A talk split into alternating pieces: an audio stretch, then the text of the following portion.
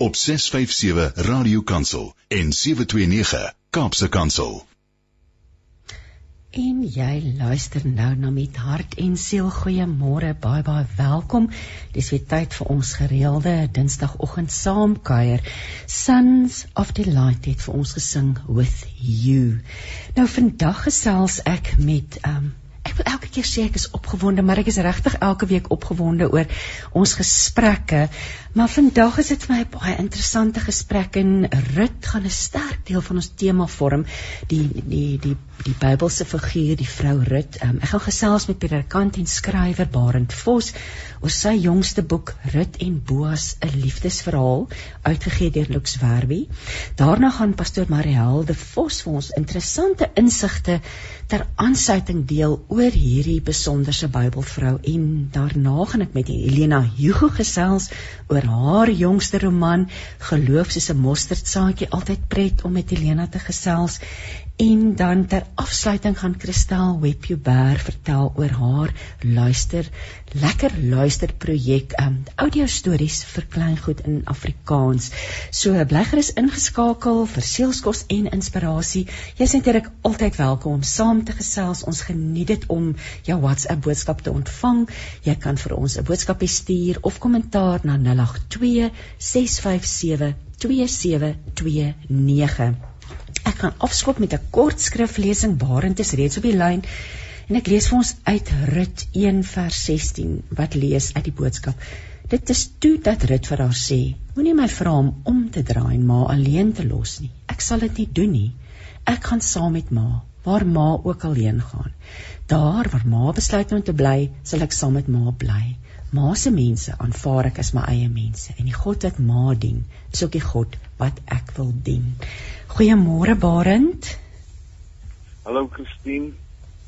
Hoe gaan dit ver oggend daar by die see, die rustige dorpie waar jy woon? Baie dankie. Ek bly in Pearly Beach. Dit is so 'n entjie van Gansbaai wat weer so 'n entjie van Hermanus is hier in die suidweskus van die Kaap en ja, dit is ehm um, so naby aan die paradys as wat jy kan kry. Ag, dis hom lekker.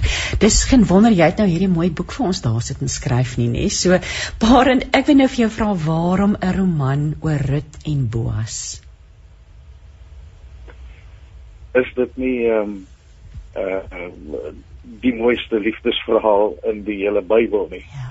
En ja. moenie dink ek is die eerste een wat so gedink het nie. Daar is in Engels in Amerika ehm um, is daar al etlike skrywers wat uh, verhaal oor Rut en Boas geskryf het en nou ja, hier het ek ook nou een geskryf dit is 'n um, storie wat nog altyd vir my uh, baie betekenis het omdat klompie redes ons kan net nou daaroor praat. Ekskuus tog. O ja, jy sê maar kom ons praat bietjie oor ehm um, ja, hoe mens dan nou hierdie skryfproses aanpak. Ek sit en ek sit en kyk na die boek terwyl jy nou so gesels, pragtige omslag. Maar hoe omskryf 'n mens nou 'n bekende Bybel boek? Kan mens maar, dit is 'n boek in die Bybel, 'n Bybelverhaal tot 'n roman en natuurlik jy's 'n skrywer, maar jy skryf vanuit die perspektief van 'n predikant. Hoe het jy dit omvorm? Hoe het jy dit gedoen? Ehm um, daar is eh, kyk dit is 'n kort verhaal soos dit in die Bybel is. Dis is hier 'n verhaal wat afspeel uh, na Josua, uh, die Bybelboek Josua en ehm um, hier in die net so voor die tyd van die rigters. Uh en dit is ook waar die die die boek geplaas is in die Ou Testament. Maar ehm um, daar's 'n interessante of eintlik 'n deurslaggewende stukkie uh waarheid wat nie in die Bybelboek Rut uh vir ons verklap word nie. Ons kry die stukkie waarheid eers ehm um, in die eerste boek in die Nuwe Testament in Matteus en wel by Jesus se geslagsregister. En daar ehm um, kry ons die stukkie uh baie betekenisvolle inligting. Ek lees ehm um, Matteus 1 in vers 5. En Salmon was die vader van Boas by Ragab en Boas van Obed by Rut. Jy sien? Daar het ons vir Rut en Boas ja wat die seentjie Obed gehad het. Maar uh wie was Boas se ma? Rahab. En waar ken ons vir Rahab vandaan? Uit die uit die stad Jerigo waar sy in die muur gebly het en waar die uh vertalings uh vir haar aandui as 'n prostituut. Uh die uh, ouer Afrikaanse vertalings die 1933 1953 vertaling praat sommer van hoer. En hier ehm um, word uh Rahab in Jesus se geslagsregister opgeneem as die moeder van Boas. Voeg daarby dat Rut ehm um, 'n Moabitiese vrou is.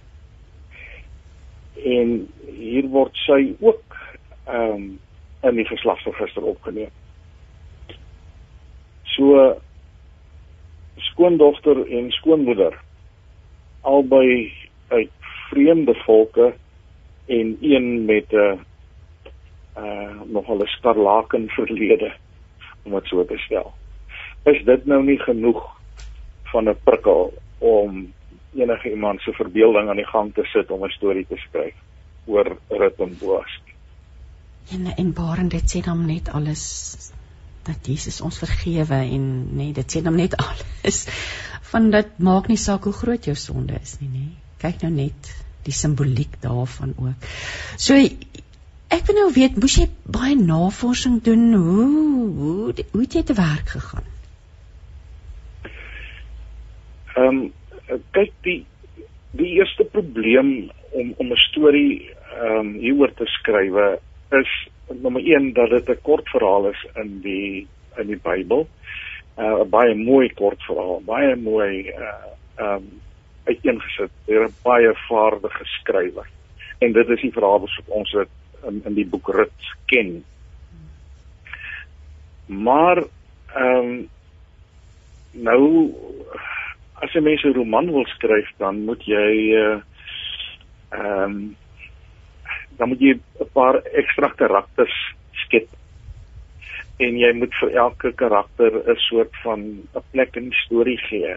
Jy moet ook ehm um, meer sê of uitdink ehm um, uh, oor oor elke karakter se se se verhaal. Hoe hoe pas die persoon in die storie in?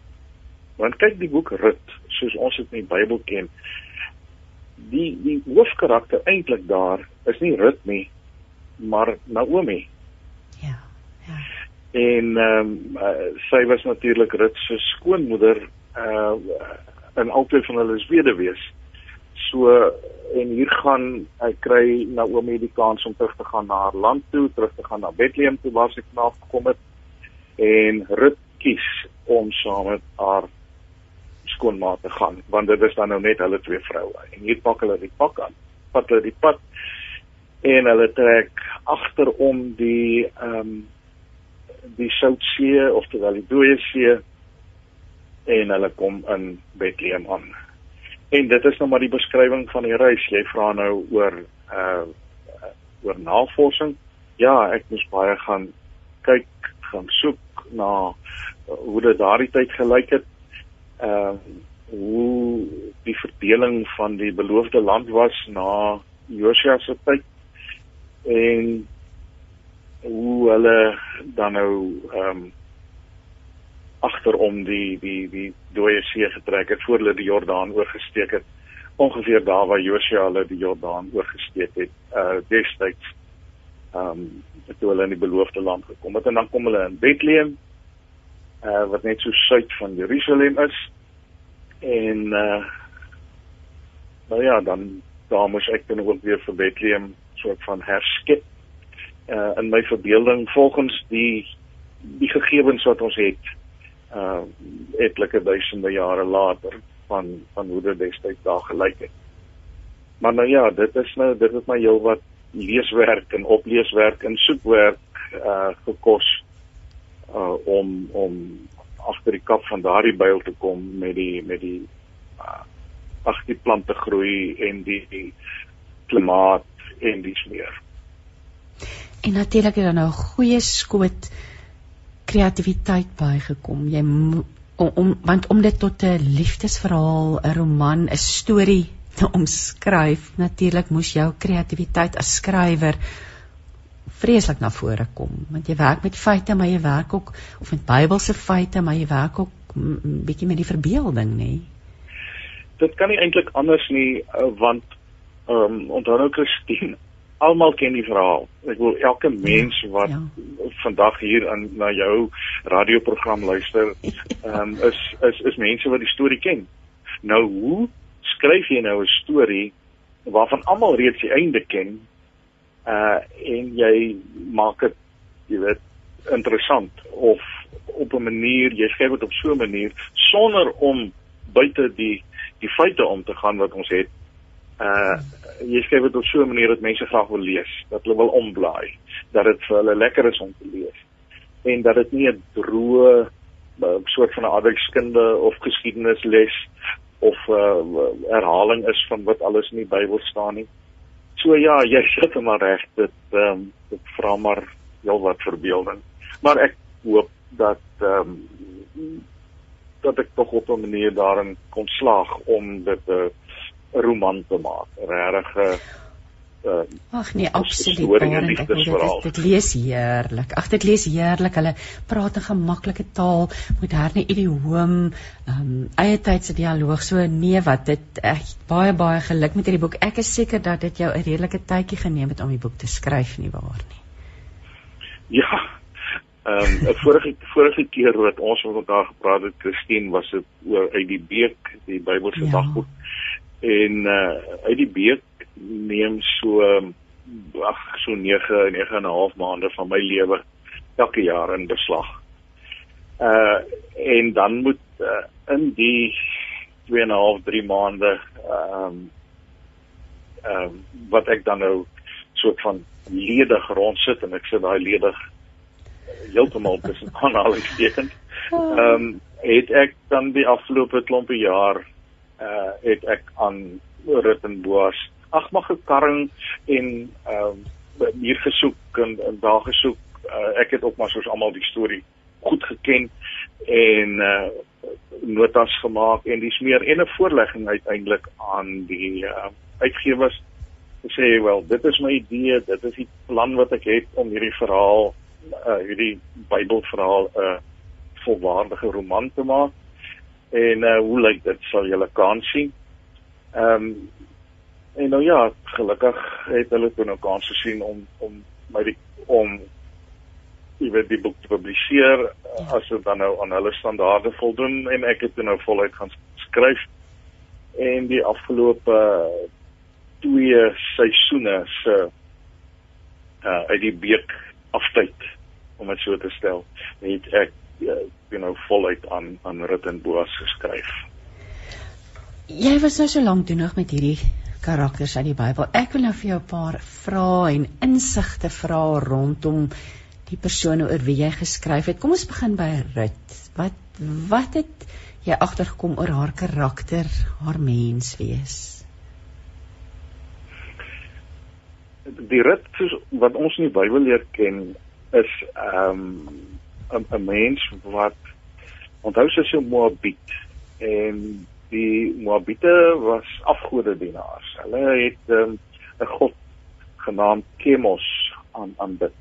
En dit is hoe sy groot geword het. En hier kom skryf sy te doen met die familie uh wat met wat uit uit uit Bethlehem uitkom.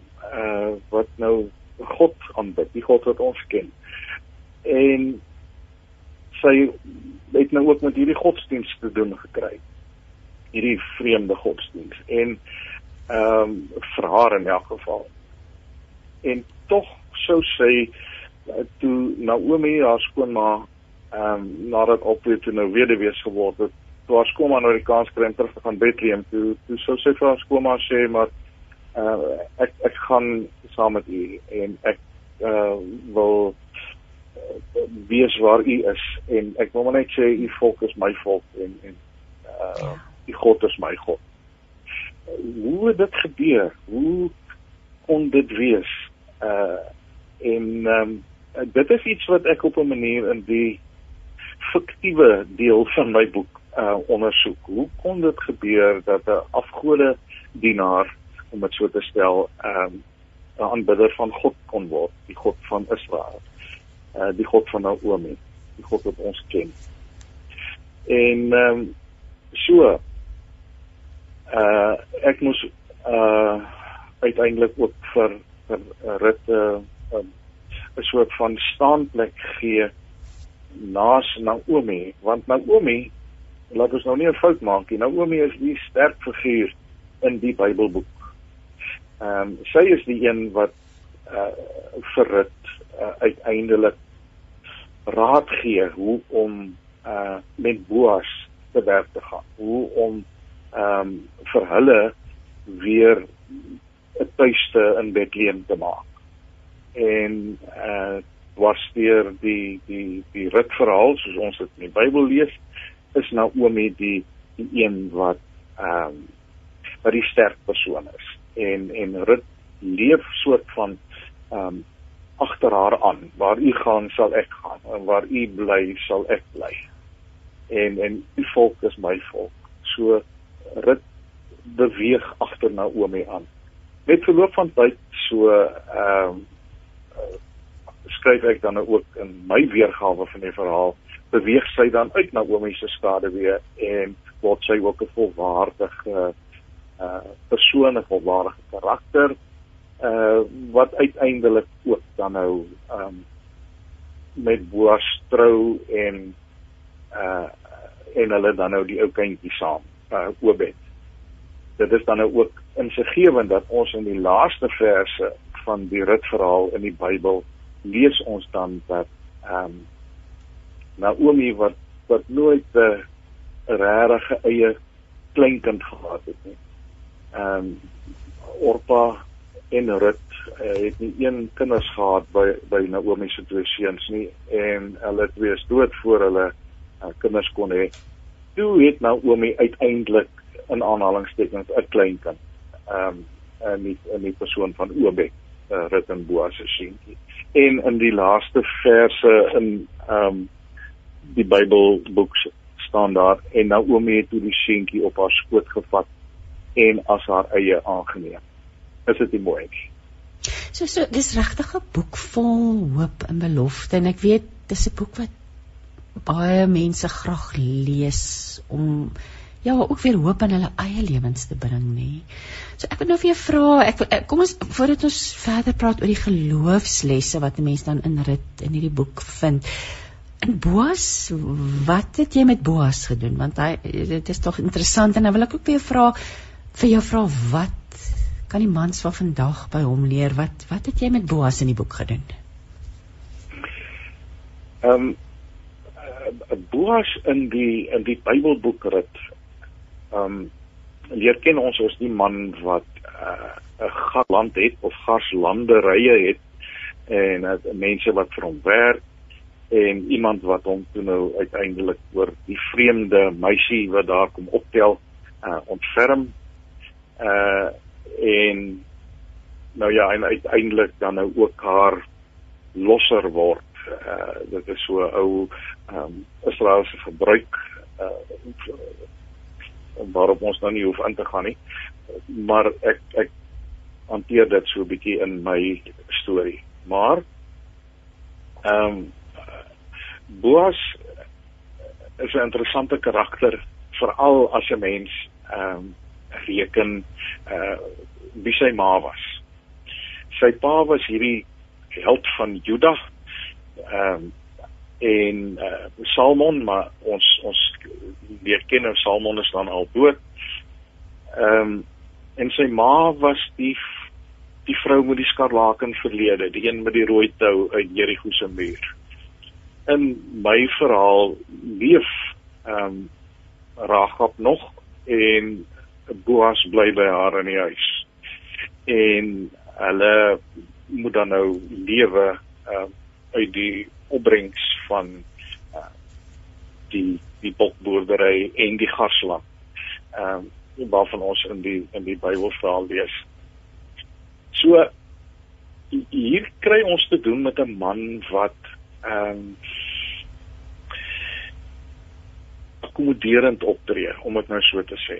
Uh, 'n Man met 'n sagte hart. 'n uh, Een wat weet ehm um, hoe dit is om om minder te hê, om om om swaar te kry, om om te sukkel. Onthou uh, dat Bethlehem toe nou uit 'n periode van lang droogte kom. Dit is immers hoekom Naomi en haar man Elimelech destyds weggetrek het en die twee seuns. Ehm um, en hier kry hy of raak hy verlief op uh, 'n meisie uit Jud uit Moab. Nou die Moabiete mag nie ehm um, eintlik tussen die Israeliete gewees het nie. Ehm um, die Deuteronomium wette is baie streng daarop dat die Moabiete ehm um, verbied word om in die vergadering van die uh, Israeliete te kom. En hier het hy hier kry hy dan nou hierdie Moabitiese meisie. So ons leer ken hom ehm um, so 'n bietjie in die in die ehm uh, in die Bybelverhaal, maar dan nou ek het dit nou met my verbeelding ehm um, 'n bietjie uitgebou. Die man met die sagte hart, die man wat ehm um, wat nie 'n aansiens des persoons is nie, wat eh uh, mense aanvaar vir die mens wat hulle is. En dit is dink ek die die vernaamste wat ek in elk geval uit die uit die persoon van Boas kan neem. Uh, die die liefdevolle ehm um, sagte mens wat uh, by sy ma groot geword het en wat deur sy ma wat self 'n uh, 'n vreemdeling tussen die Israeliete is um om om om sy het hom so groot gemaak en en en dit is die mens wat hy is. Dit is tog so nee as mens die boek lees dis dit is die indruk wat jy kry in die Bybel en in jou boek dat dat hy was 'n goeie man. Hy was hy was regtig waar 'n goeie mens. Um kom ons praat 'n bietjie oor die temas want hierdie karakters het interessante lewens. Ek weet daar's mense wat verwys as hulle met van Rut praat dat dit gaan oor ons roeping, oor ons bestemming, ons die, die Engelse woord is our destiny dat God vir ons iets bepaal het. Daar watter temas het jy in die boek ontdek en of het, het, het vir jou sterk na vore gekom terwyl jy geskryf het? Kyk, die ding met met met destiny of met roeping is dat 'n mens eintlik dit net by by terugskouing, by nabetragting. Ja. Ehm um, agterkom. Ehm um, dat jy ehm um, dis amper soos 'n mens wat in 'n berg opklim en en dan kyk jy terug uh oor die pad wat jy gekom het en dan sien jy maar hier was was ek was was ehm um, was 'n kruispunt en en en ek het hierdie een gekies. Hoekom het ek so gekies? Uh en hier het ek my vasgeloop. Hoekom het ek dit gedoen? En as jy 'n gelowige is, 'n uh, Christen, sou jy mos nou baie goed weet, dan kom jy agter hoe die Here jou telkens um op die regte pad uh gebring het en baie keer teruggebring het uh en jou gered het uh, van 'n verkeerde keuse en jou uiteindelik gebring het tot waar jy is. En in die ehm um, in die Bybelboek rit uh stuur alles alles ehm um, stuur uiteindelik af op die laaste klompie verse wat 'n uh, ehm um, tipe geslagsregister is ja. uh van van ehm um, eintlik van koning Dawid. Ja. Uh onthou nou in in, in Ritse tyd het hulle nou nog nie van Jesus geweet nie. En ehm um, eintlik wil die skrywer van die Bybelboek Rut wil vir ons wys uh hoe 'n Moabit een wat deur Deuteronomium ehm uh, verbied is om in die vergadering te kom uh, van die Israeliete. Hoe hoe hoe so 'n vrou uiteindelik in koning Dawid se se ehm um, gesagsregister opgeneem is en dan in in sy voorgeslagte uh, gekom het. Terwyl dan nou die Matteus uh, boek uh, in in die Nuwe Testament sê maar ja goed maar dit het nie by Dawid geëindig nie. Uh Dawid was ook die voorvader van Jesus van Nasaret. So dit is die een groot uh tema. Hoe het dit gebeur dat 'n Moabitiese vrou ehm um, in die ehm um, 'n Israeliet geword het en uiteindelik soveel meer as 'n Israeliet? Barend, ek gaan jou nou voordat ons verder oor die temas gesels hier so WhatsApp van Mandy wat sê môre my boetie en sussie en Jesus ek sien nie omgee vir so 'n boek nie. En sy vra oor Orpa. Wat dink ons het van Orpa geword? Wat dink jy? Het sy teruggegaan Moab? Dis wat ah. Mandy vir ons vra ja. vanoggend. Mandy, dit is 'n baie interessante vraag want op die die ehm um, Bybel uh, verhaal sê vir ons niks daarvan nie. Ehm um, behalwe dat sy wel, jy weet, toe nooit saam gegaan het nie. Ek het in my uh, um, uiteraard moes ek 'n uh, man die my verbeelding gebruik daar en ek het toe nou maar dit in die eerste deel van die boek so ietsiekie ehm um, gesê daarvan. Ehm um, ietsie daaroor geskryf van Otto wat gekies het om by haar ouers te bly. Uh en ehm um, maar in die boek, uh, in my boek nou, my stukkie verbeelding uh boek gee sy wel vir Rut 'n uh, ou ietsiekie saam. Iets wat saam met Rut sou bly. Ehm um, en uh, wat Rut gereeld sou herinner aan Orpa. So op 'n manier dra Rut vir Orpa met haar saam die hele enpad. Totdat sy uiteindelik na sy met uh, sy en Boas mekaar gekry het en so aan. So sy uiteindelik vir Orpa dan nou ook groet in aanhalingstekens. Uh en sê jy weet um ek hoop jy's gelukkig my suster waar jy ook al is. Um maar ja, die die die Bybel uh vertel ons nie daarvan nie. Ek het maar so in my verbeelding uh nogal iets gemaak van die keuse wat Orpa uh, uh gemaak het om om om om te bly, om te bly by haar ouers in Moab. Och, weet jy, dis eintlik so die lekkerte van so 'n boek, nê, dat jy dit kan doen en ehm um, ag ek wil so graag soms so kort stukkie net voorlees, sommer reg van die begin af net om vir ons luisteraars 'n idee te gee van hoe lekker dit geskryf is. Dit begin om te sê Naomi Haar besige hande woel in die mengsel in die skottel voor haar om en om. Naomi, Naomi van Elimelech, die stem dra teen die wind tot by haar by haar. Sy kom rent en nou haar meel besmeerde hande voor haar in die lug. Sy skerm die son af met 'n voorarm wat sy teen haar voorkop hou. Ken ek jou en dan gaan dit nou so aan ek is Gesron Gesron die seun van Reuben die eerste seun van vader Jakob Naomi se arm sak langs haar sye 'n Reubeniet van ander kant die rivier, sy sal nie haar verbasing wys nie. So, oh, dit is so lekker geskryf en so lekker het jy as jy nou um 'n man die sê vir ons my boetie, dankie, ek gaan hom definitief aanskaf. Baie baie dankie. So, man, die, ons is bly waarin kon vir jou die die die geheim van Orpa want dit is so mense wonder oor haar maar hoe lekker agbarend ek wil jou regtig gelukwens met hierdie boek dit is lieflik Ek wil nou vir ook vra oor skrifgedeeltes. Was daar want uit die aard en saak die boekrit is verskriklik kort. Was daar skrifgedeeltes wat vir jou uitgestaan het wat vir jou half gelei het ook in hierdie skryfproses?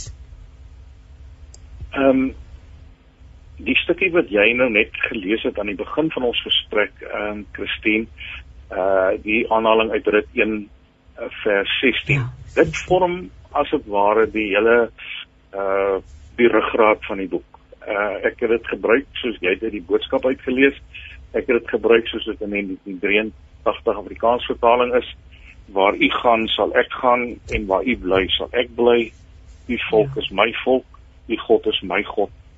Hoe ehm um,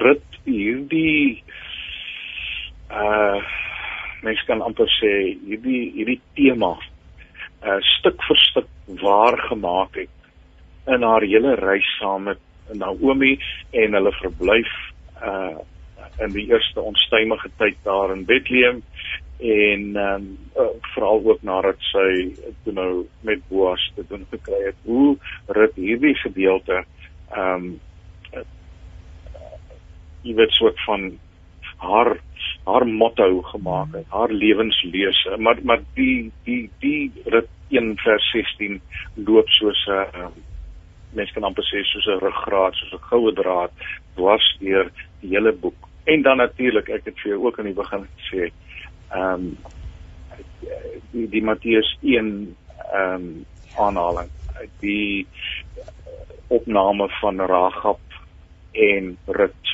in Jesus se geslagsregister.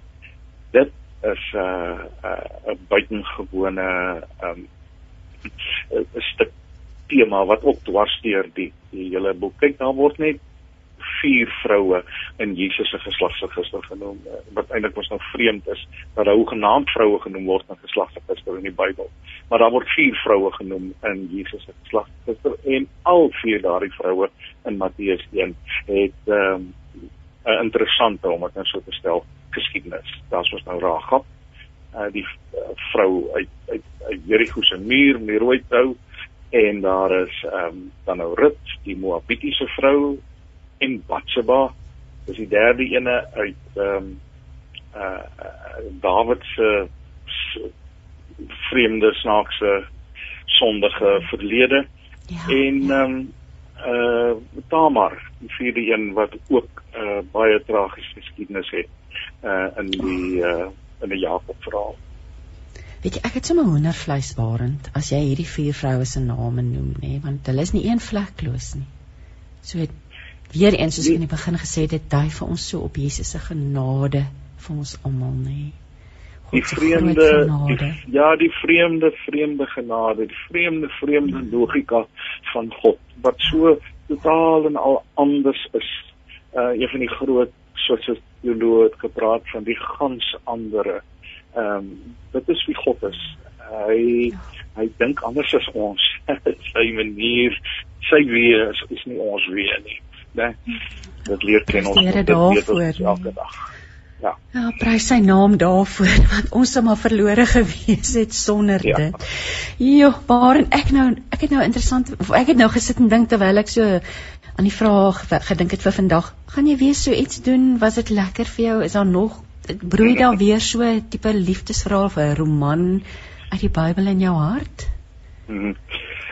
Ek kyk kyk ehm um, jare gelede, hier in die vroeë 2000s het ek 'n boek geskryf uh, met die naam Exodus. Dit was die verhaal van Moses en die uittog uit Egipte en die reis deur die woestyn en dit was dit is geskryf met uh, Moses as die verteller. Uh dit was hier ek kan nie 2002, 2003 daaroond en 'n klomp jare later, 2007, 2008 is dit gevolg deur Kanaan. Dit was die verhaal van die intog natuurlik, Josia en die priesters en dis meer. So eintlik is Rut uh die verhaal van Rut en Boas is so die is, is die derde ene. Uh, dit dit volg so half mense kan sê kronologies op mekaar. Ehm um, maar jy vra nou vir my uh of dan nou nog so iets gaan gebeur. Ek weet nie, ek kan nie sê nie. Ek ek ek, ek kan maar net vir jou sê dat uh ehm um, dit gebeur nie maklik nie. Dit, dit kom nie sommer van self nie, veral nie um, vir so lank ek nog besig is met met uit die beek nie. Soos ek weer gesê het, uit die beek die dag is ehm um, dit neem my hele lewe in beslag, kan mens amper sê. Uh so die die die rit en Boas was 'n wonderlike soort van 'n tussenspel. En dit was my heerlik om om om om jy weet meer uh kan ons amper sê meer verbeelding te gebruik. Kyk met 'n dagstukkie boek kleur jy mos nou binne die die die rampie in, né? Jy uh, jy gebruik uh, verskillende kleure, maar jy bly binne die binne die uh, buitelyne. Maar met 'n met 'n roman ag dan keer jy maar so 'n bietjie rof aan. Eh so jy jy gaan maar oor die lyntjies.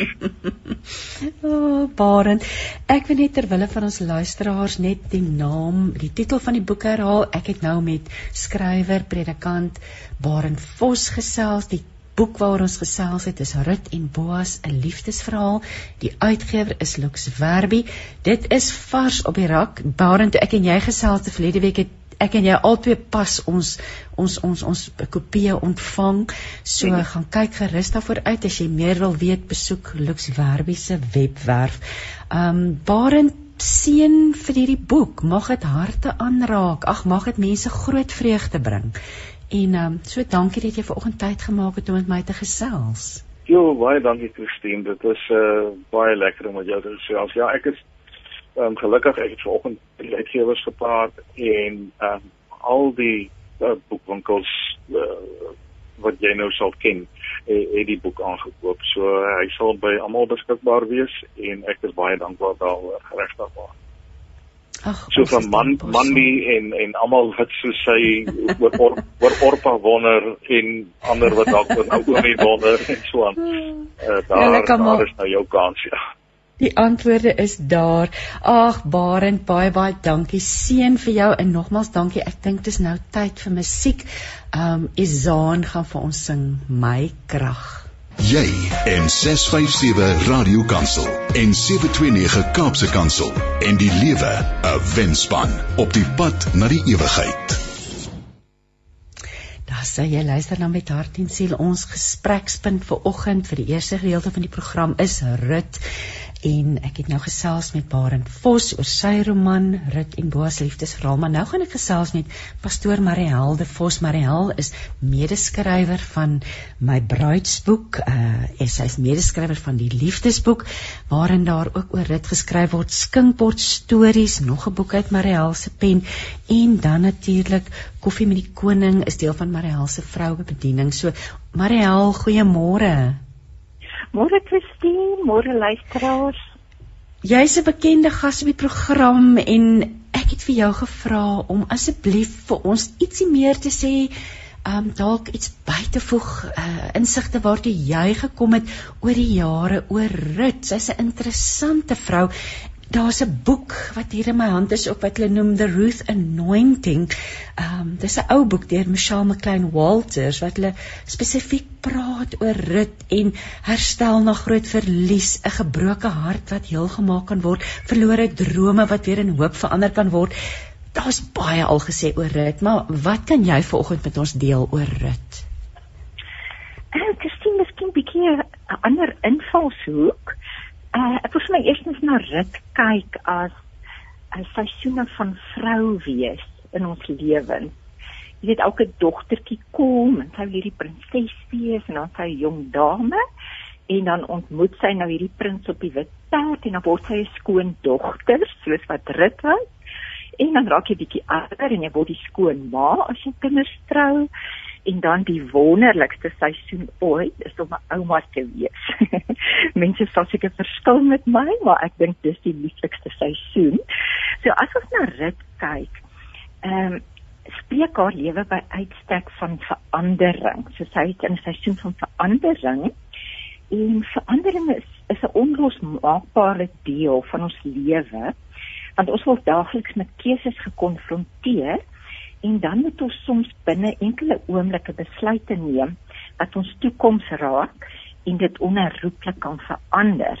So die motief vir ons keuses moet altyd gegrond wees op gehoorsaamheid aan God se woord en sy opdragte en rit geniet dan God se guns en voorspoed in 'n vreemde land want sy verlaat haar geboortegrond in loyale trou aan Naomi as haar liefdevolle skoondogter om dan 'n potjie in 'n onbekende land te gaan krap en haar harde en onbatsigtige werk word beloon in Bethlehem want God voorsien nie net hulle daaglikse brood nie maar as Jahwe hierdie die God wat voorsien voorsien hy dan ook 'n permanente heenkome vir albei weduwees want Boas besorg dan 'n nageslag aan albei vroue en Naomi ontvang dan ook haar erfgrond terug En ek wil eintlik net sê vrees as 'n motief om te verhuis bring nie seën nie, want God gee nie vir ons 'n gees van vreesagtigheid nie, maar van krag en liefde en selfbeheersing. Soos in die geval van Rut en dan Rut se liefde verander dan ook na Naomi se bitter treurmare in 'n lofsang aan die Here. Die Here verkoop dan haar siel en sy gaan dan ook in die wonderlike seisoen van ouma wees in dat God haar versorg in haar grysheid wanneer sy dan ook haar klein seun ook het ontvang. En ehm um, die die wonderlikste verandering dink ek dan dat God se krag en liefde en redding besorg dan aan Rut wat 'n heiden is 'n ereplek in sowel Bethlehem as in die boek van Matteus en Jesus se geslagregister soos wat Barend reeds vernoem het net nou. Ehm um, want selfbeheersing as 'n vrug van God se gees um, kan gedei in die seker wete dat hy in beheer is van ons lewe want hy beloof ons in die boek van Jeremia dat hy vir ons 'n hoopvolle toekoms wil gee en dat sy planne vir ons altyd voorspoed inhou en omdat elke goeie gawe en elke volmaakte geskenk uit God se liefdevolle hand kom uh, of dit nou vriendskap is of kinders maar ook krisisse wat ons geloof die realiteit aan hom toets, moet ons dan alles met blydskap as gawes van genade uit sy hand ontvang, die goeie en die toetsdele in ons lewe. Ja, en haar lewe is so getuienis daarvan, hè. Um, Absoluut, dat, dat, ja. ja. Kyk net hoe dit kyk net hoe dit geëindig en soos reg uh, bo ag ehm um, waarheen toe verwys na Omi kon toe sit met die ou seentjie op haar skoot aan die einde nê. So dis ja, ja. Ag, ekskuus tog maar kom ons kom ons praat 'n bietjie want jy verwys ook na Rit as 'n vrou met 'n verlede met 'n toekoms. Ehm um, ja, want want ons waarheen het ook vir ons ge, ge, daarop gewys wie is die vroue in Jesus se geslagsregister. So kom ons praat 'n bietjie daaroor dat God jou jou verlede en jou hede ja, hy kan deur jou hede jou verlede verander, jou toekoms verander. Wat wat is wat is jou siening daarvan? Ja, ek stem net ehm um, barend saam dat ehm um, ek dink julle weet werklik wie die boek Rut geskryf het, nie? Sy is uh, een van twee vroue wat 'n hele hoofstuk aan hulle afgestaan is. Rut natuurlik 'n tipe van die heidenbruid. Ehm um, en dan Esther weer 'n tipe van die ehm um, Joodse bruid en saam maak hulle dan die volle prentjie eintlik van ons ook wat in Jesus die heidenbruid wat saam met Esther die Joodse bruid na dieselfde bruilofsfees toe gaan en ons vir dieselfde bruidegom naamlik Jesus. Ja. Maar hulle weet nie werklik wie die boek van Rut geskryf het nie. En omdat dit saam gegroepeer is met die rigters en die hongersnood wat ons gaan lees in Bethlehem, wat daar was wat hulle dan um, uitgedryf het na Moab toe, reken hulle dit is soort van net na Saul se tyd, miskien net in of voor Dawid koning geword het. Maar omdat dit in die tyd van die rigters met die groot hongersnood was en dit sê, ehm um, daar was nie 'n koning nie en elkeen het doen wat reg was in sy eie oë, maar net in staande is sy 'n tipe van 'n wonderlike voorbeeld van iemand wat uitgeleef is aan God se voorsiening en versorging as 'n uitgeworpene omdat die Moabite um, eintlik vervloek was uh, vir 10 generasies want haar voorgeslag kom uit Lot uit want Lot se dogter het omgang gehad met haar pa en daarom was die Moabite volgens Deuteronomium 23 vers 3 en 4 vervloek. Ek wil sommer gou vir ons lees wat sê geen Ammoniet of Moabiet mag in die vergadering van die Here kom nie. Selfs hulle tiende geslag mag nooit in die vergadering van die Here kom nie.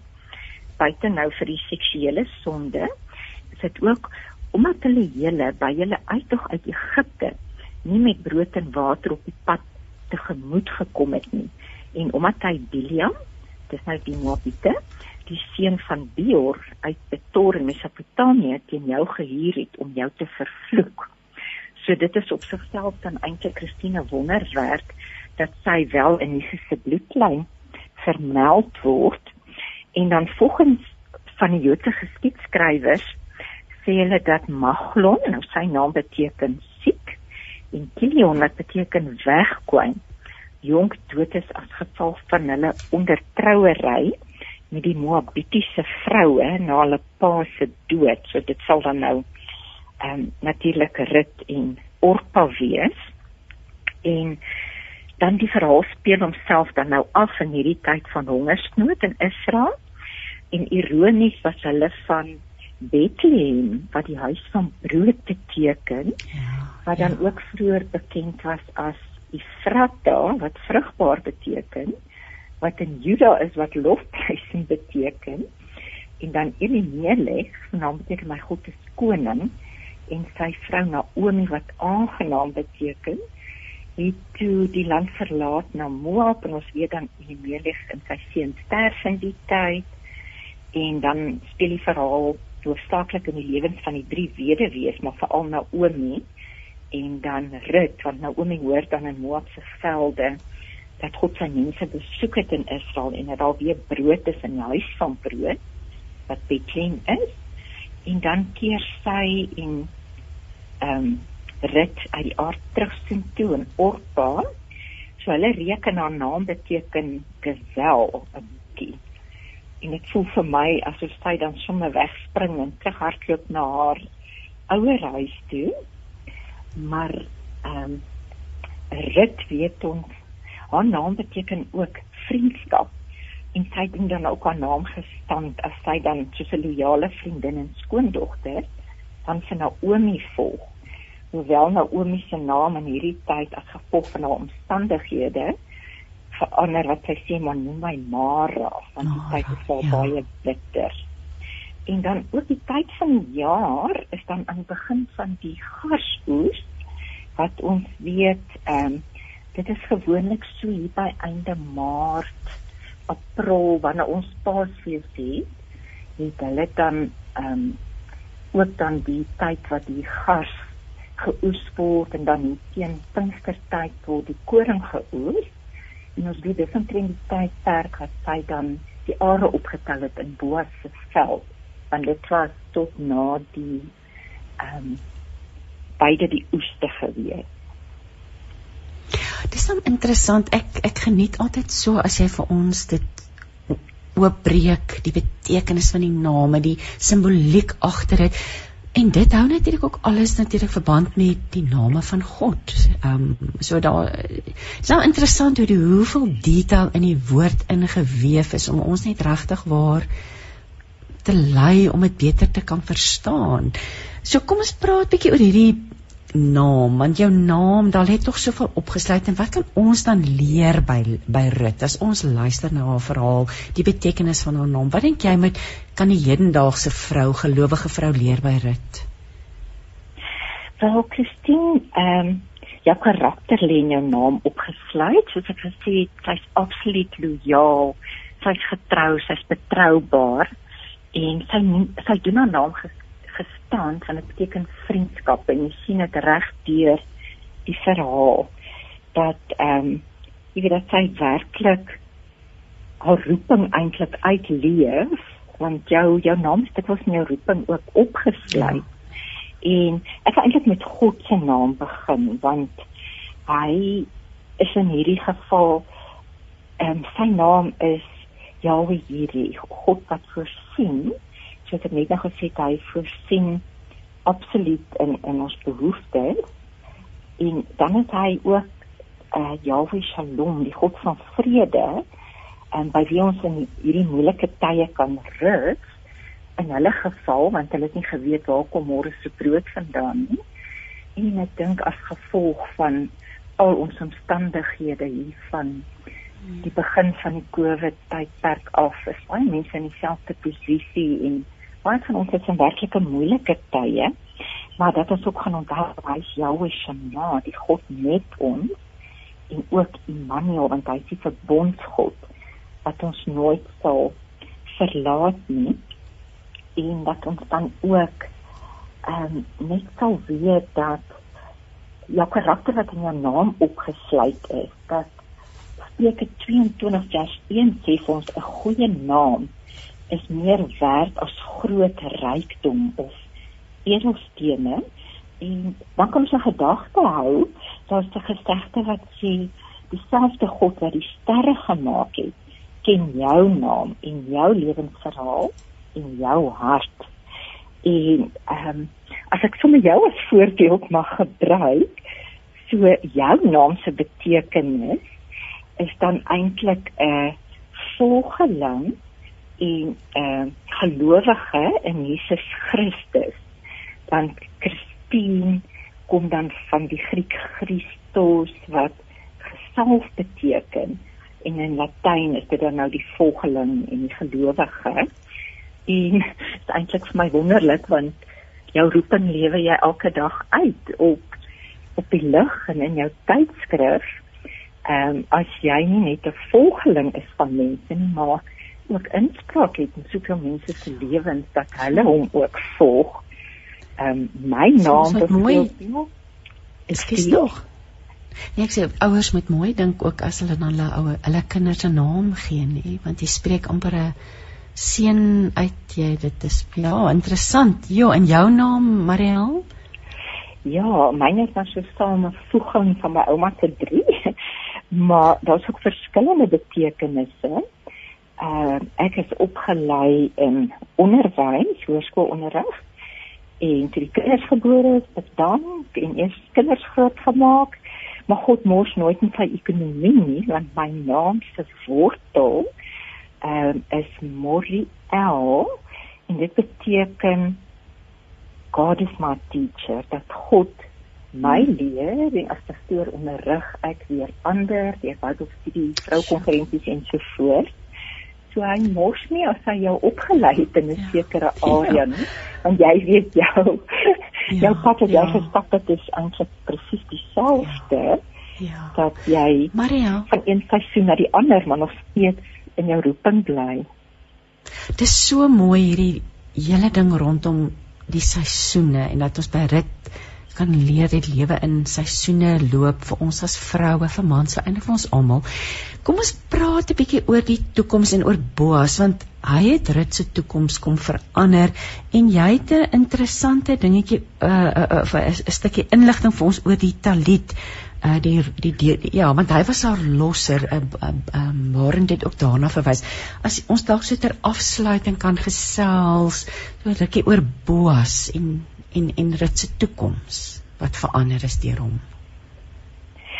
Ja, ek sê dat die aard nou Boas se guns ontvang omdat sy haar ehm um, sonder enige selfsug ontfer ontferm het oor ehm um, haar ja. skoonma en sy het ook gevra kom sy guns in sy oë ontvang het en hy het toe vir haar gesê dat God raak sien wat sy doen.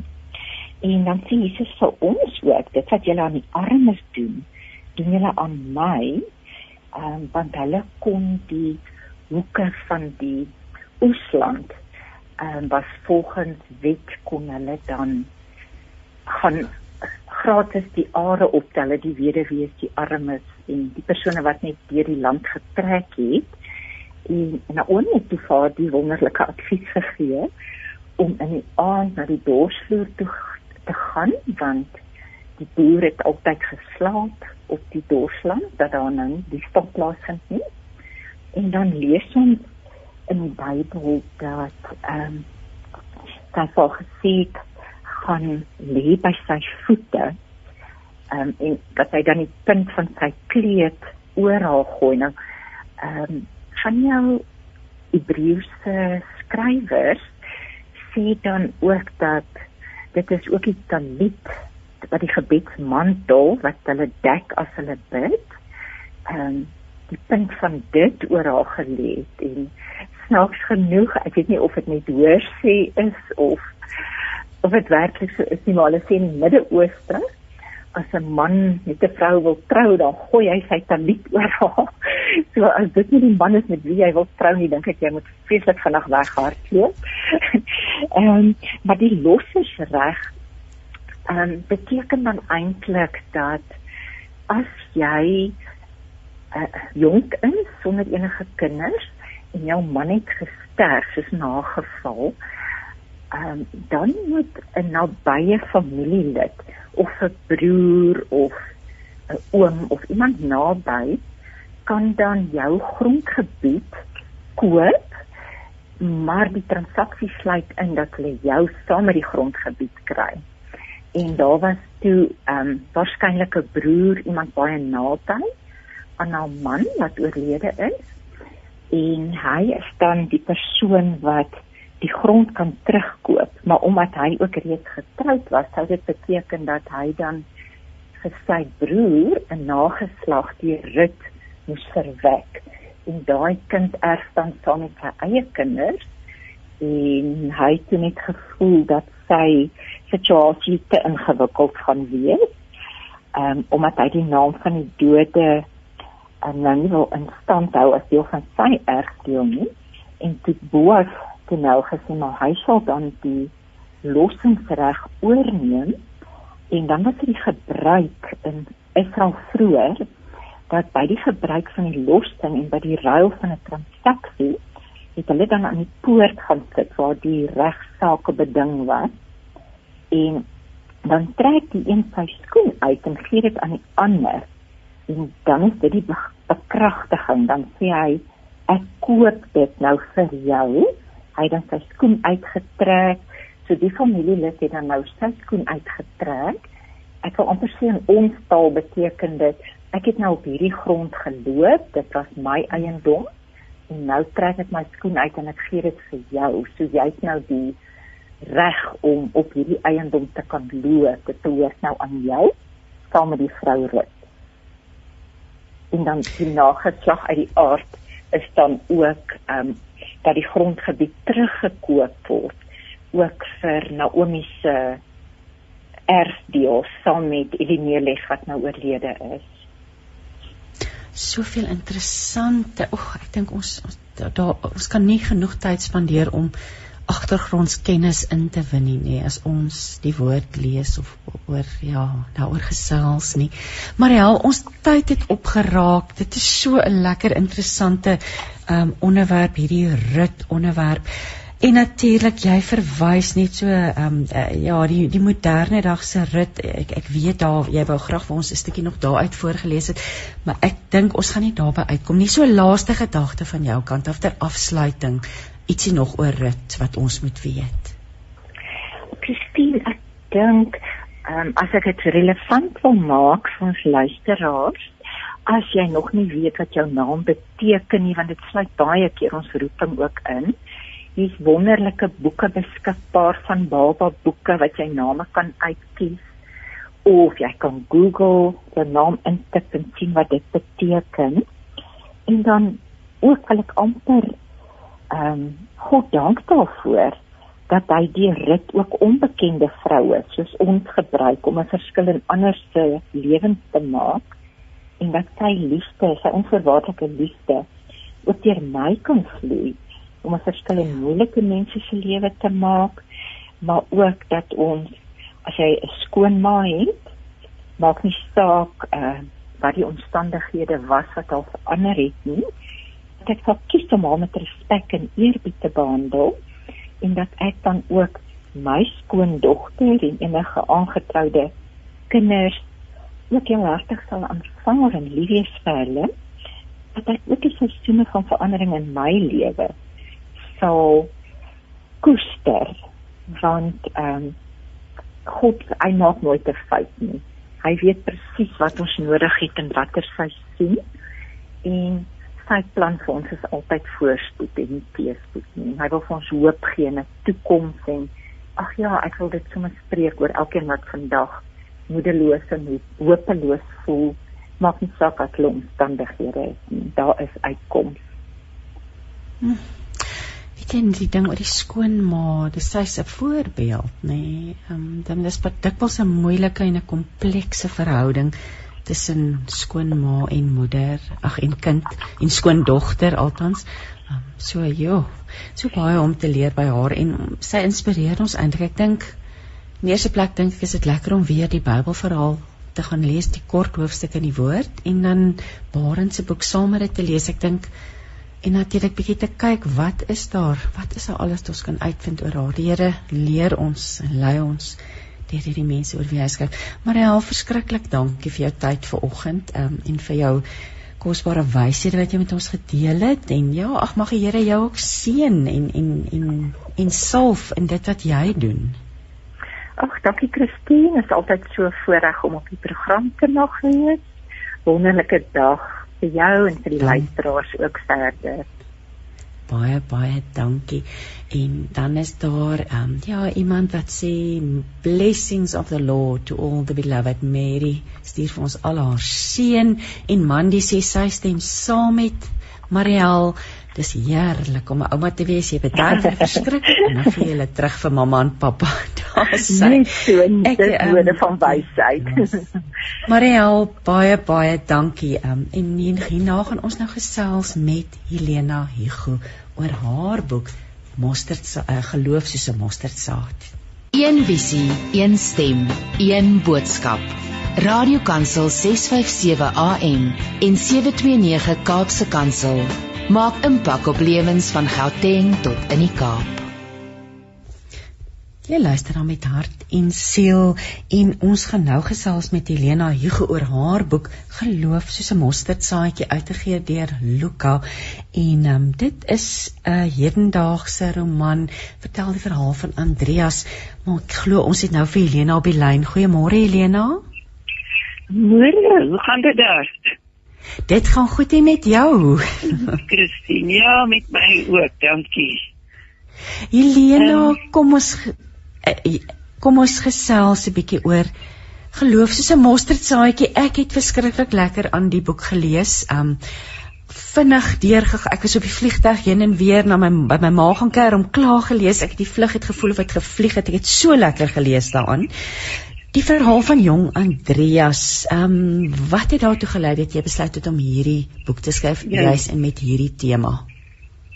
Weet jy, ek kan glad nie onthou nie. ek het altyd baie Ek het vroeër gesê dis altyd pret om met jou te praat. Helena, ek het nooit dat iemand my 'n boek vra en dan en dan af sit ek maar op my knie en ek bid asseblief tog net nog vir nog 'n tema. En en hierdie het gekom. Ek kan nie ek moet eintlik meer skryf wanneer dit kom, maar die die tema het gekom van geloof, hoop en liefde. So ons begin hier so by geloof en uh, die storie van Andreas natuurlik aangaan. Uh, ons begin moes hy begin moes waar hy terugdink aan sy lewe, maar 2020 dis nou nog voor Covid. En uh, dan uh, ja, hy is dis nie 'n jeugverhaal nie want uh, dit was lewer hy kommentaar vanuit waar hy nou sit, né? Ja, so ehm ja. um, hy hy dink terug aan die verkeerde keuses wat hy gemaak het, die regte keuses wat ook al en al die herinneringe wat jy met jou saamdra. Uh, soos die boeke wat hy tot tot op die laaste oomblik met ons saamdra, uh, die titels jy weet die die die ehm um, dokter van Nistrik se se dogmatiek en en Kierkegaard se journals en en wat hy daar uitgeleer en natuurlik die Bybel wat hy by Estie se vrou gegee gekry het. So in die boek verder dit is dan nie eens klein drietjie van Estie waar hy 'n foto kry van sy matriek afskeid. En Estie het ondergeskryf ehm um, Andreas en Hetta by hulle matriek afskeid. Jy weet so daar gaan nog baie met hom gebeur. Weet jy wat vir my so lekker was? Ek het die eerste hoofstuk te mens gelees en dan spring jy dadelik in tyd. Ek dink ek wil nou gou hier kyk. Ons ons spring van 2020 af na 1940. En ja, ja. ek het heeltemal vergeet wat gebeur het in 2020. Ek het so betrokke geraak in Andreas se storie dat ek moes aan die einde van die boek teruggaan en gaan kyk want dit is so lekker geskryf ook want jy los ons so met 'n oop einde uh, die boek eindig fisiek weer lekker en interessant. Toe moet ek terug gaan gaan kyk maar wat het met Andreas gebeur. Kom ons praat 'n bietjie oor daardie tyd. Het jy 1940 jy gaan net dan spring dit aan 1952. Ja, ja. Ehm um, sy 57 sy skooljare. Kom ons dit het my verskriklik bekend gevoel. Andreas is nou so 'n bietjie ouer as as ek, maar dit het my so bekend gevoel. Jy skryf oor die sonnaarskool en die kateksasie en die skool en die dinge wat ons gedoen het. Kom ons praat 'n bietjie oor daardie tyd. Dit was hoekom het jy juist op daardie ja. tyd besluit? Dis seker wat ek in daai tyd geleef het.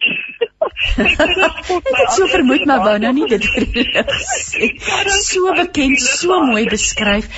Lekker, was dit lekker om jou herinneringe aan jou skool daar so te kon inskryf in Andreas se ja. storie? Ja. Ja, dan nie alles het nou presies met my gebeur wat ek nou nie Kaap groot geword het. Ons het nou nie die 1952 uh, fees kon bywoon nie. Ek het 'n pragtige boeke hier by die ou mense vir my verlos het wat ek kon leer gaan so. Maar weet jy, uh, meeste sê vir die geskiedenis om herhaal. Want kyk in daai tyd terwyl ek skryf, kom ek by die wêreldoorlog en dan die uh wat hulle daai tyd genoem kinderverlamming. Dis nie dieselfde as wat dit ons gebeur het met COVID. En almal het knoffelsakkies om hulle nek en die spoel wat toemaak en die kerk wat alleer word. En, en dit was 'n verskriklike tyd vir al omdat die kinders getref het. En, en dan natuurlik nou uh, Andreas uh, uh, en hoe hy dit uh, ervaar en en sy ma wat kort kort sy by haar verbyloop dan dan druk sy hand op sy kop en voel of hy koors het jy weet. En en uh, natuurlik steek hulle dit vir vir ontdek dat sy ou maatjie Santi laat sy siek is en en hoe verskriklik kwaadheid toe is daaroor en en dan hierdie ding van uh, die liedjies wat hulle gesing het in die kinderkrans nê as hy weer kom as hy weer kom maar al is per sê ek het daai tyd ook dit was vir my net iets verskrikliks as kind daai liedjie en ons het mos so kaartjie gehad by die kinderkrans. Daar is dit so binne in staan 'n versie en rondom is daar gesiggies met blommetjies. Ja, ek het dan o, hierdie gesiggies wat nou met hemel toe gaan en weet jy so seker om hemel toe te gaan nou al. Ag en is so mooi ingeskryf want jy Andreas bid ook dan as as jong kind ag Here moet hulle nie vat nie. Ja. Moenie moenie moenie moenie vir vir vir ehm um, vra kom haal nie. maar dis reg, ons het hom groot geword nie. kom ons soos soos wat jy nou aan die skryf uit die aard van die saak die, die karakters ontwikkel en en die, die storie ontwikkel. Ja. Temas, lewenslesse, daar dit is maar mens kan mos nie net maar help dat dit verweef is in die storie nie. Wat wat was voorop vir jou gewees? Wat wou jy gehad het met die leser uit hierdie boek uit kry? Boonbehalwe om dit lekker te geniet, wat is die lewenslesse wat opgesluit lê in hierdie boek? Natuurlik lê daar baie opgesluit in in die versie eh, die saad wat gesaai ja, word. Ja. En en en uh, hoe dit by hom gebeur en, en hoe hy die ou eindes verstaan wat geloof is en wat dit moet wees op die weet in in in en en dit groei so geleidelik deur. Maar maar daai saad is is is 'n ander saad wat geplant word. Um en so byvoorbeeld noem hoe hy uh, bewus word, jy weet die politiek kom ook so daar in en uh, ons is so daai uh, lekker deel waar hulle nou die kinders van die rockerou party het. En langs hulle is die in die in die kos storie is die is die vader maar die oudste klein so dat hulle hoor jy die musiek nie. En en dit is politiek en en hoe hy dan byvoorbeeld en ek sê hierdie saadjie want en ek wil dit verder vat in hierdie man se lewe hoe hy byvoorbeeld by sy oupa se begrafnis sien. Ou Jerigo hulle wat die graf gegrawe het, word nie bedank nie. En hulle staan buite die muur en hulle moet huis toe loop. En, en hy wonder kry hulle nou ook van die begrafniskos. Jy weet, en en en hoe hy hy, hy het mos 'n talent gehad hy kon nou teken en skilder en ag hy was so graag verder gaan dan weer maar sy ouers natuurlik besef daar is nie toekoms daar nie. En uh, hoe hy hulle tuinier begin teken want die die kunsonderwysers sê hulle nie net mooi meisies teken nie probeer nou iemand anders kry. En en hoe hy dan uh, vir uh, hulle tuinier teken en hoe begin hulle ken? En en met hom gesels en en en, en dit is die ou einde is dit die ou man wat vir hom ook die saadjies les ja. leer op 'n baie ja. eenvoudige, pragtige manier. En weet jy die ander ding wat ek ook wou leer is is is dat 'n mens moet respek hê vir ander mense. Dis 'n geloof en kultuur, want hulle is 'n moslimvrou wat vir hulle huis hou en ons gaan nou nie sê van sy broer nie want dit is nou die storie wat wat ons graag wil hê ja. die lesers moet ja. sê niks van hom nie want dit is wel die kruis wat Andreas die res van sy lewe moet saamdra. Soos hy sy kruis wat hy altyd op sy pa se lesenaar sien van Jesus uh, wat sy kruis sleep moes hy nou ook op die oomblik opgesaam met 'n kruis. Maar uh, dan hierdie vrou wat sy broer so gruwelik jy weet sy dra haar, haar kopdoek en hoe hy haar kopdoek af het afgeruk het. Jy weet mens vreeslik snaaks voel. Ja, en en Andreas ja. besef dan, jy weet uh, ja, en, en en en sy is daar vir hulle uh, die hele tyd deur en en daar is wederwysige respek. Uh, en en dan is hulle van die gemeente wat natuurlik nou sê nou wanneer bekeer julle hierdie vrou. Jy weet so ek ek wil al twee kante van die saak altyd bietjie belig. Ja, en natuurlik aan Andreas is hierdie pragtige kind. Hy het alles behalwe geloof. So ons besef natuurlik dat hy op die ou einde predikant word. Dit sê ek aan die begin. Maar ek wil graag vir die lesers vertel hoe Andreas daarby uitgekom het. Ja. En natuurlik die geloofstwyfel, ehm um, daardie tema hoe Andreas en dit jy doen dit ja, op 'n sensitiewe mooi manier. Ek ek kan net nie sê en en en hierdie ding van die skoolmakers se kinders loop mekaar voet. Uh, ek ek vertel dit uit Andreas se hoogtepunt, maar sy pa die hele tyd vir hom gewag.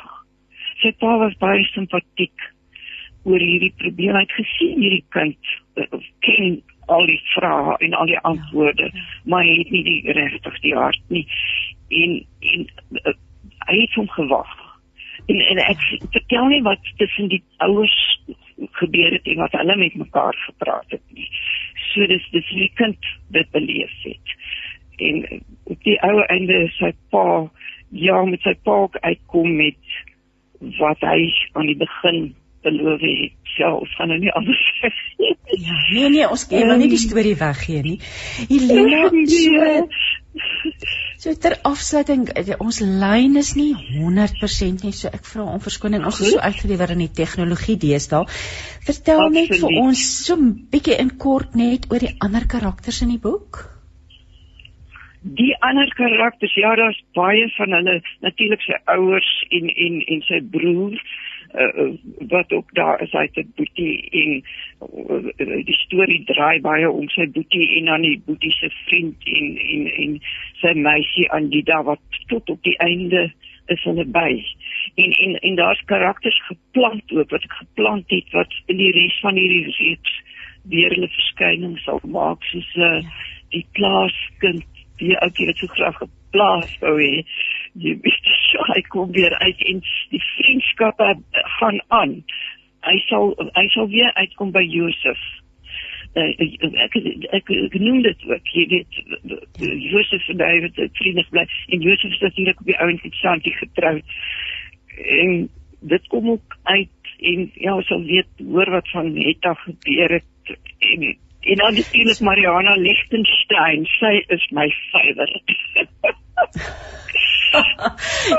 die die die die uh, predikantsvrou se regterhand. Maar ek is bly om te hoor hierdie Helena, dit klink of dit deel is van 'n reeks, die eerste van 'n reeks. Ja, ja, ja, nee, ons gaan nou van hier af van ons na hoop toe en dan dan gaan ons na liefde en ag ek bid vir die Here my tyd sal gee en dat ek dit ook sal kan skryf. En maar net so graag 'n bietjie met hulle lees saam lees. Met hulle. Ja. Ons wil ook graag verder oor hulle lees moet ek sê. Helena Soeter afsluiting wil ek vir jou vra oor jou man. Jy dra die boek op aan Henk. Um en en sy ja. sterk geloof. Sê so 'n bietjie vir ons iets daaroor asseblief. Nou Henk is my pilaar. Hy het net nou net net nou voordat jy gebel het, het hy net vir my sit sy arms om my en hy bid en hy sê laat Elena tog net die regte woorde vind wat ek baie keer nie verkeerd goed sê en dat alles goed sou afloop en ek stuur my altyd op, op op my pad met 'n gebed.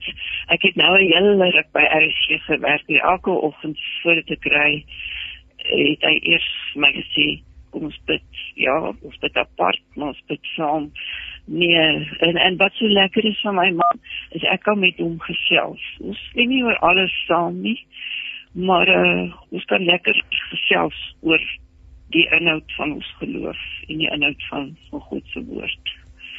Ag Helena wat is wat te kom met Wat 'n voorreg en ag ja, ons sien uit na nog baie boeke uit jou pen. Um ek wil net die titel van die boek herhaal. Um ek het nou gesels met bekende skrywer Helena Hugo. Haar jongste boek is Geloof soos 'n mosterdsaadjie en dit word uitgegee deur Luka en ek neem aan dis by boekwinkels landwyd beskikbaar, nê? Nee. Ja, absoluut. Net kyk en natuurlik Amazon en al daai plekke se koop ons ook. So, hy is wyd beskikbaar. Helena, sterkte vir jou seun vir jou en ehm um, ja, alles wat mooi is. Ek gaan nou met een van jou goeie vriendinne ook gesels Kristel Webber oor haar ehm um, stories ja. vir kinders. So so dit is ja. ag ek het 'n heerlike oggend hier kuier met al die bekendes.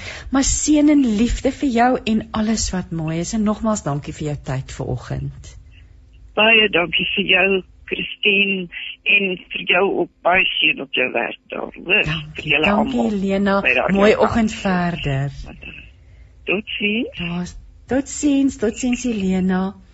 En nou soos beloof gaan ek gesels met Christel Webber.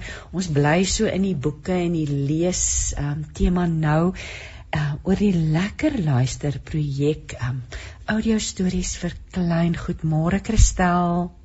Hallo Christine.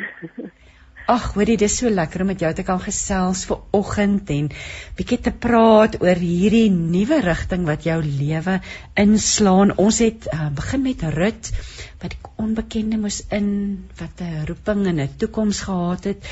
En ek wil nou by jou hoor lekker luister vir klein goed. Dis www.lekkerluister.co.za. Dit sê Afrikaanse audio stories vir kinders. Waar het die idee van lekker luister vandaan gekom?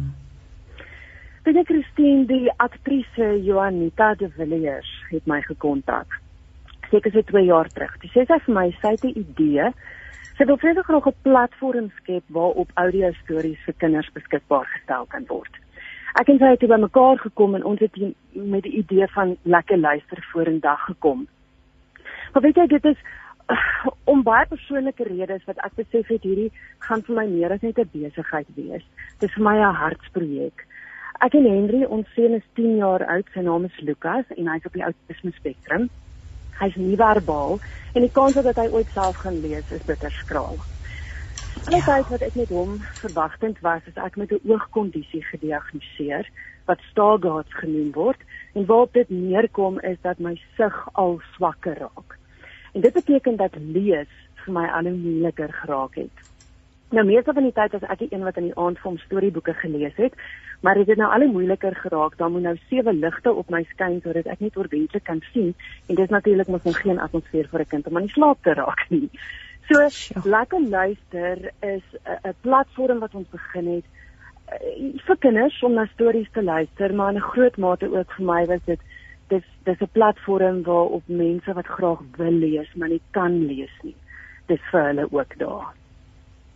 Kristal Ek het nou eintlik hoendervleis en ek wil sommer sê dankie vir jou eerlikheid dat jy met ons deel dat hierdie eintlik so diep persoonlike ding is en vir my in my hart kom die woorde op nalatenskap. Ja. In jou hart dan om soos jy sê ander wat graag wil lees maar nie kan lees nie, ook dan stories mee te deel. Ja. Baie baie spesiaal. So as nou jy sê dis 'n hele nuwe rigting, jy wil graag, dis moeilik vir jou om te lees asof of van jou oogkondisie. Vertel vir ons hoe jy dit nog reg kry dan om dit te doen en hoe werk hierdie proses Ehm um, hoe neem julle op? Vertel ons 'n bietjie meer daaroor. Uh, 'n lees is met baie moeite. ek is so ja. bly dat die Here Johanita op my pad gesit het. Sy het soveel geduld met my. Ek kan nog lees. Ek moet myself net aanpas. Ehm um, dit is uh, ek ek lees basies sin vir sin. Ek lees hom so 2, 3 keer oor en dan vertolk ek hom. So ek ek het baie begin staat maak op my geheue. So dit is nie vir my onmoontlik nie, dit vat net ongelooflik lank. So ja, ek het die voorreg om om nog steeds my stem te kan gebruik, maar maar ja, dit is um, ons ons het stories.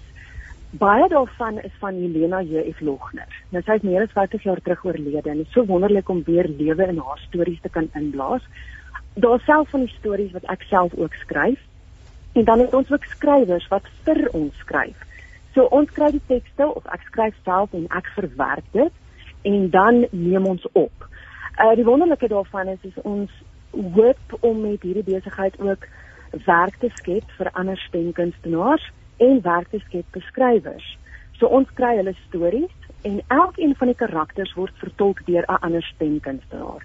So dis nie 'n gewone net sommer voorlesing nie. Ons kry akteurs in wat die karaktertjies vertolk en na ons opgeneem het, dan gaan die vol opnames na Joanita toe. En sy het 'n absolute godgegewe talent om stories bymekaar te sit. Sy skep prentjies deur om al die stemmetjies bymekaar te sit. Sy voeg byklanke in, sy sit musiek by en as die storie dan terugkom na my toe, dan staan hierdie prentjie wat sy geskep het. Ek luister daarna en dan sal ek en sy met mekaar kommunikeer en gaan vir sê, weet jy wat, daai klank werk nie lekker nie of daai musiek is fantasties of doen dit laat 'n bietjie groter pouse daar of maak die pouse kleiner. En so sorg ek en sy dat die storie perfek is vir uitsending.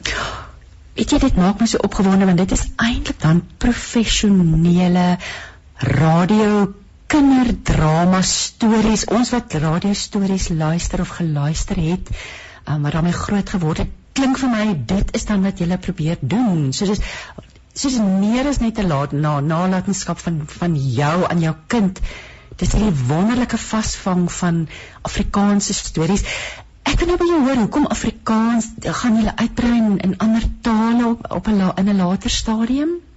Ons hoop om op 'n stadium uit te brei. Kyk, ons het begin klein en dit gaan stadig maar ek is so trots om te sê ons het die besigheid begin sonder om by enige iemand geld te leen en ons is nou al op so 'n punt dat ons ons stemkunstenaars kan betaal, dat ons ons skrywers kan betaal en dat ons die nodige mense wat ons help, die mense wat ons webtuiste help ontwerp het, die die Esther wat ons sosiale media doen ons kan daai mense betaal. Ek en Janita kry nog nie geld nie, maar ons is geduldig. ons gaan wag. Maar ja, die hoop is die hoop is weet jy weet jy wat Christine ons het dit aanvanklik regtig net gedoen as vermaak. Ons het gehoop om vir ouers 'n um, geleentheid te gee om stories vir hulle kinders in die aand te laat luister. Maar hoe meer ons met onderwysers begin praat het en selfs met spraakterapeute, besef ons daar's 'n ongelooflike groot nood in audio stories. Ons kinders het verleer om te luister. Hulle soek prentjies en hulle word gestimuleer deur prentjies. Hulle kan nie meer luister nie. En hoe hartseer is dit as ons kinders groot maak wat eendag in die werksplek gaan instap en nie die vermoë het om te luister nie. Maar hoe gaan so 'n kind dan 'n opdrag uitvoer wat deur 'n baas gegee word? So ons doel is regtig om kinders te leer om weer te luister. Dan ook luister is die voorloper van lees. So met ander woorde, dit gaan help met lees ook eendag. En dan natuurlik om kinders se verbeelding te stimuleer sodat hulle hulle eie prentjies kan maak en nie net gevoer word deur prentjies wat daar vir hulle gegee word nie. Ja, so daar's 'n Ekskuus nou die woord, maar daar's 'n groter prentjie agter al hierdie dinge. Ja. Ek wil praat oor jou geloof in al hierdie dinge, al hierdie uitdagings wat jy nou in die gesig staar en, en wat jy moet nuwe dinge moet toepas en leer ook met jou kind die rol van jou geloof. Ek weet jy en jou man Henry is is baie gelowig baie naby aan die Here. Watter rol het die het, die, het dit in jou lewe gespeel die afgelope paar maande? Ek wil eers begin om te sê dat weet jy ek besef vir die Here my absoluut voorberei het vir dit wat ek by lekker luister moet doen. Hoe hy regtig baie vir my oopgemaak het. Jy nou met Helena gesels. As dit vir Helena was net ek nie by RSG uitgekom nie Ponitoki. Ons was die skrywers daarvan, ek en Renske Jacobs, ons het dit vervaardig. Dit was vir my 'n leerskool sodat ek vandag kan doen wat ek moet doen by Lekker Luister. selfs die feit dat ek regisseur by radiodramas was. Dit het my en Janita se paie gekruis het. So net absoluut die Here se hand in alles is om te kom by dit wat ek vandag doen. En, en ja, ja, as ek my storie van geloof vir jou moet vertel, hoeveel tyd het jy? dit is dan um, ja, ek het soveel dinge geleer. Um ek dink die belangrikste van alles is om elke dag op te staan. Ek kan so maklik in 'n hoop gaan lê en myself jammer kry. Maar ek neem elke dag die besluit om op te staan. Om te kyk wat ek het en om daarmee te woeker en te werk eerder as om te fokus op dit wat ek verloor het en nog steeds besig is om te verloor.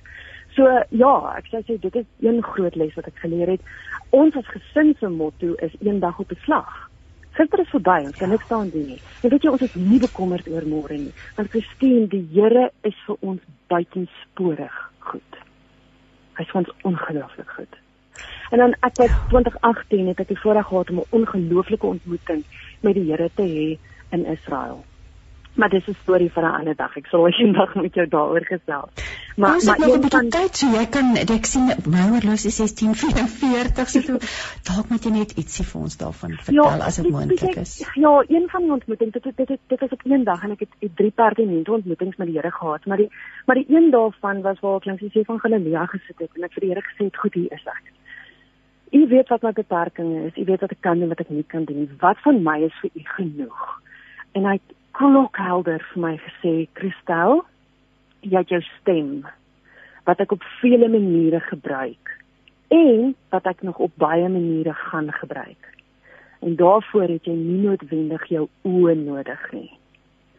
En daardie was vir my so absolute bevestiging om te besef dat die Here gaan my stem gebruik. En weet jy Christine, ek glo dat deur lekker luister, deur die feit dat ek nog steeds op RSG kan wees, gebruik die Here my stem om 'n verskil in mense se lewens te maak.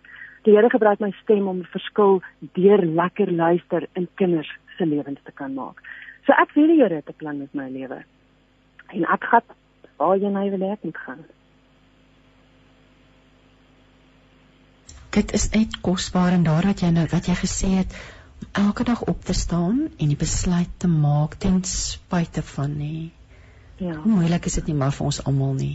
Mm. Kom ons praat 'n bietjie oor die stories weer. Ek is so gefassineerd. Ehm um, ag, eh, wat is al gunstelinge onder die stories ehm um, wat wat jy voorlees?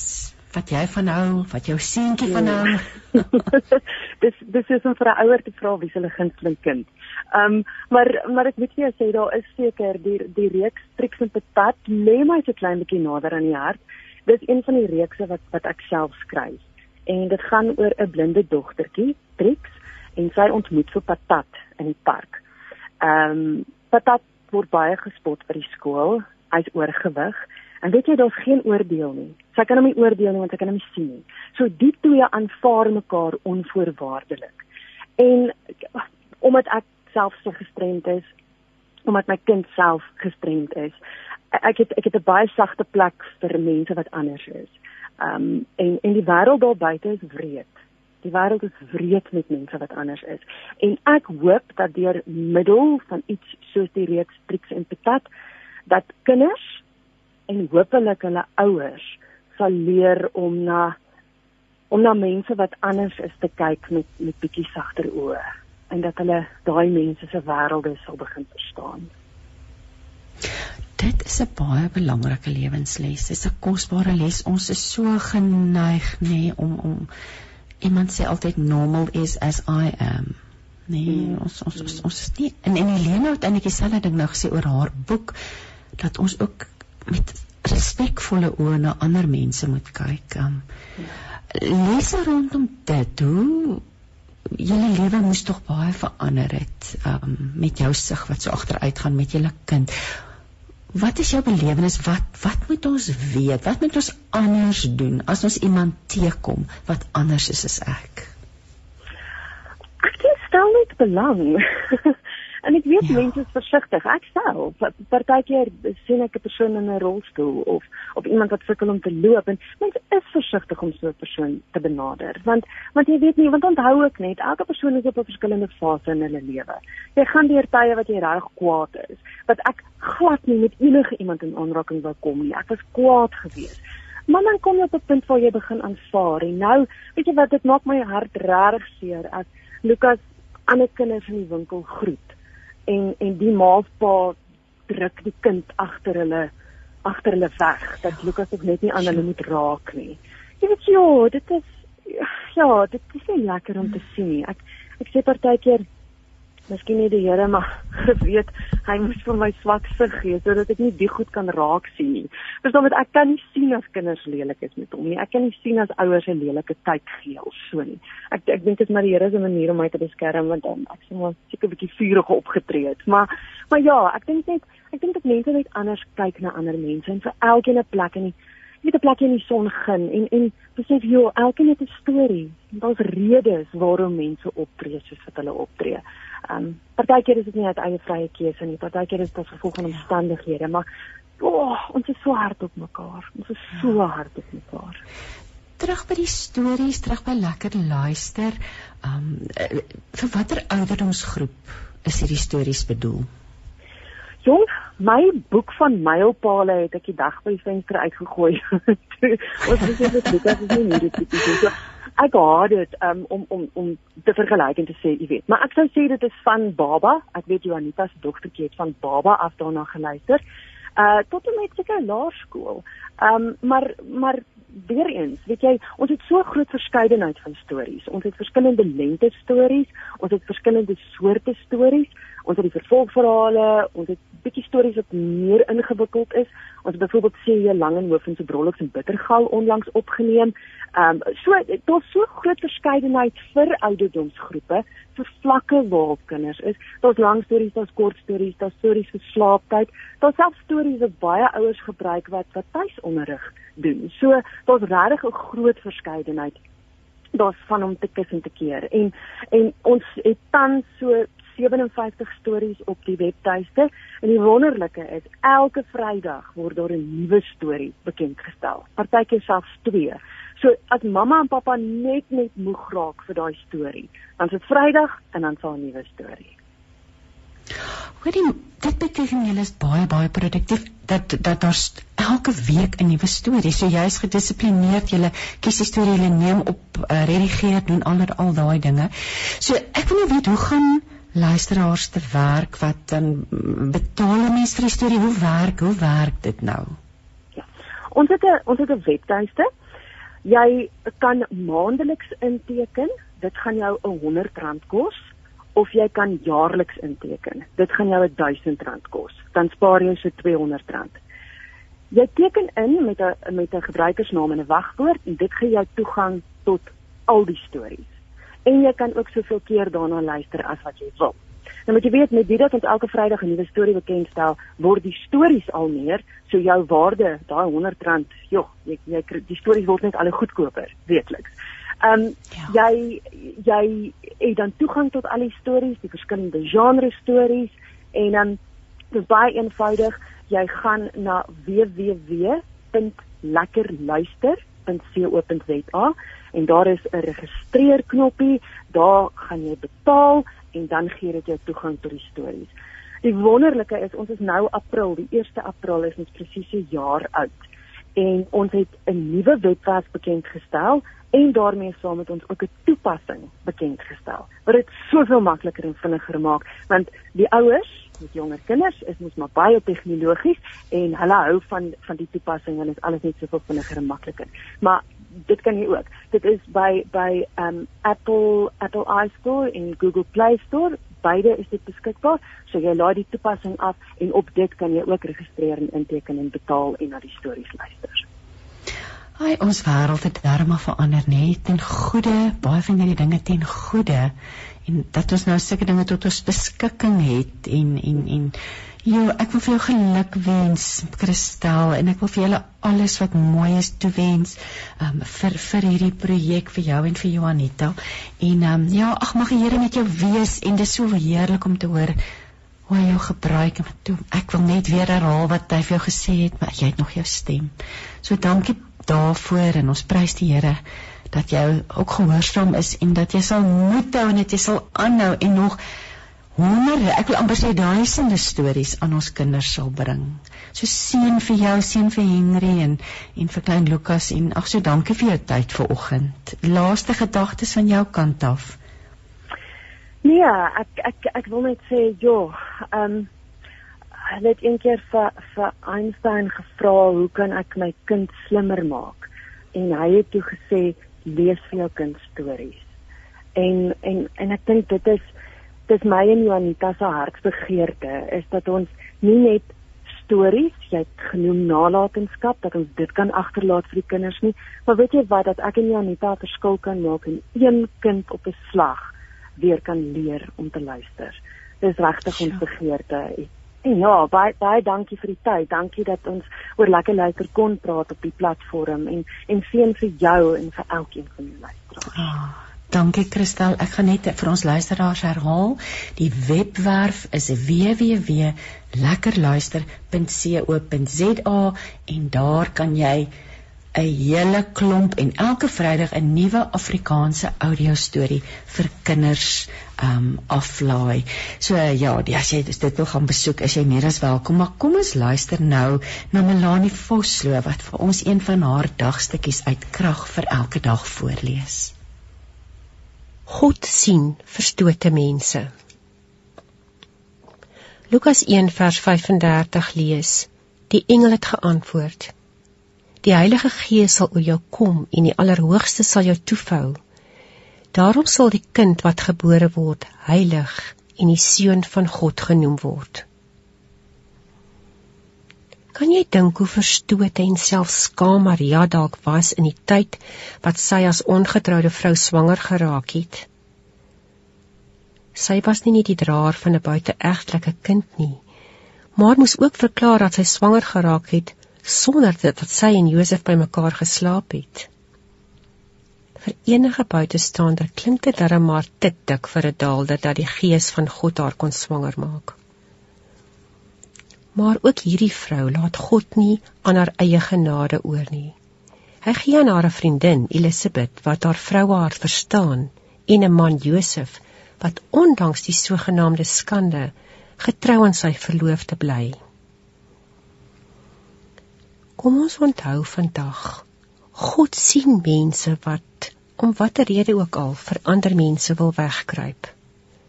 Hy verstaan die harte van mense wat skaam skaam wonder wat ander van hulle dink. Hy omvou ook hulle met groot deernis en beskerming.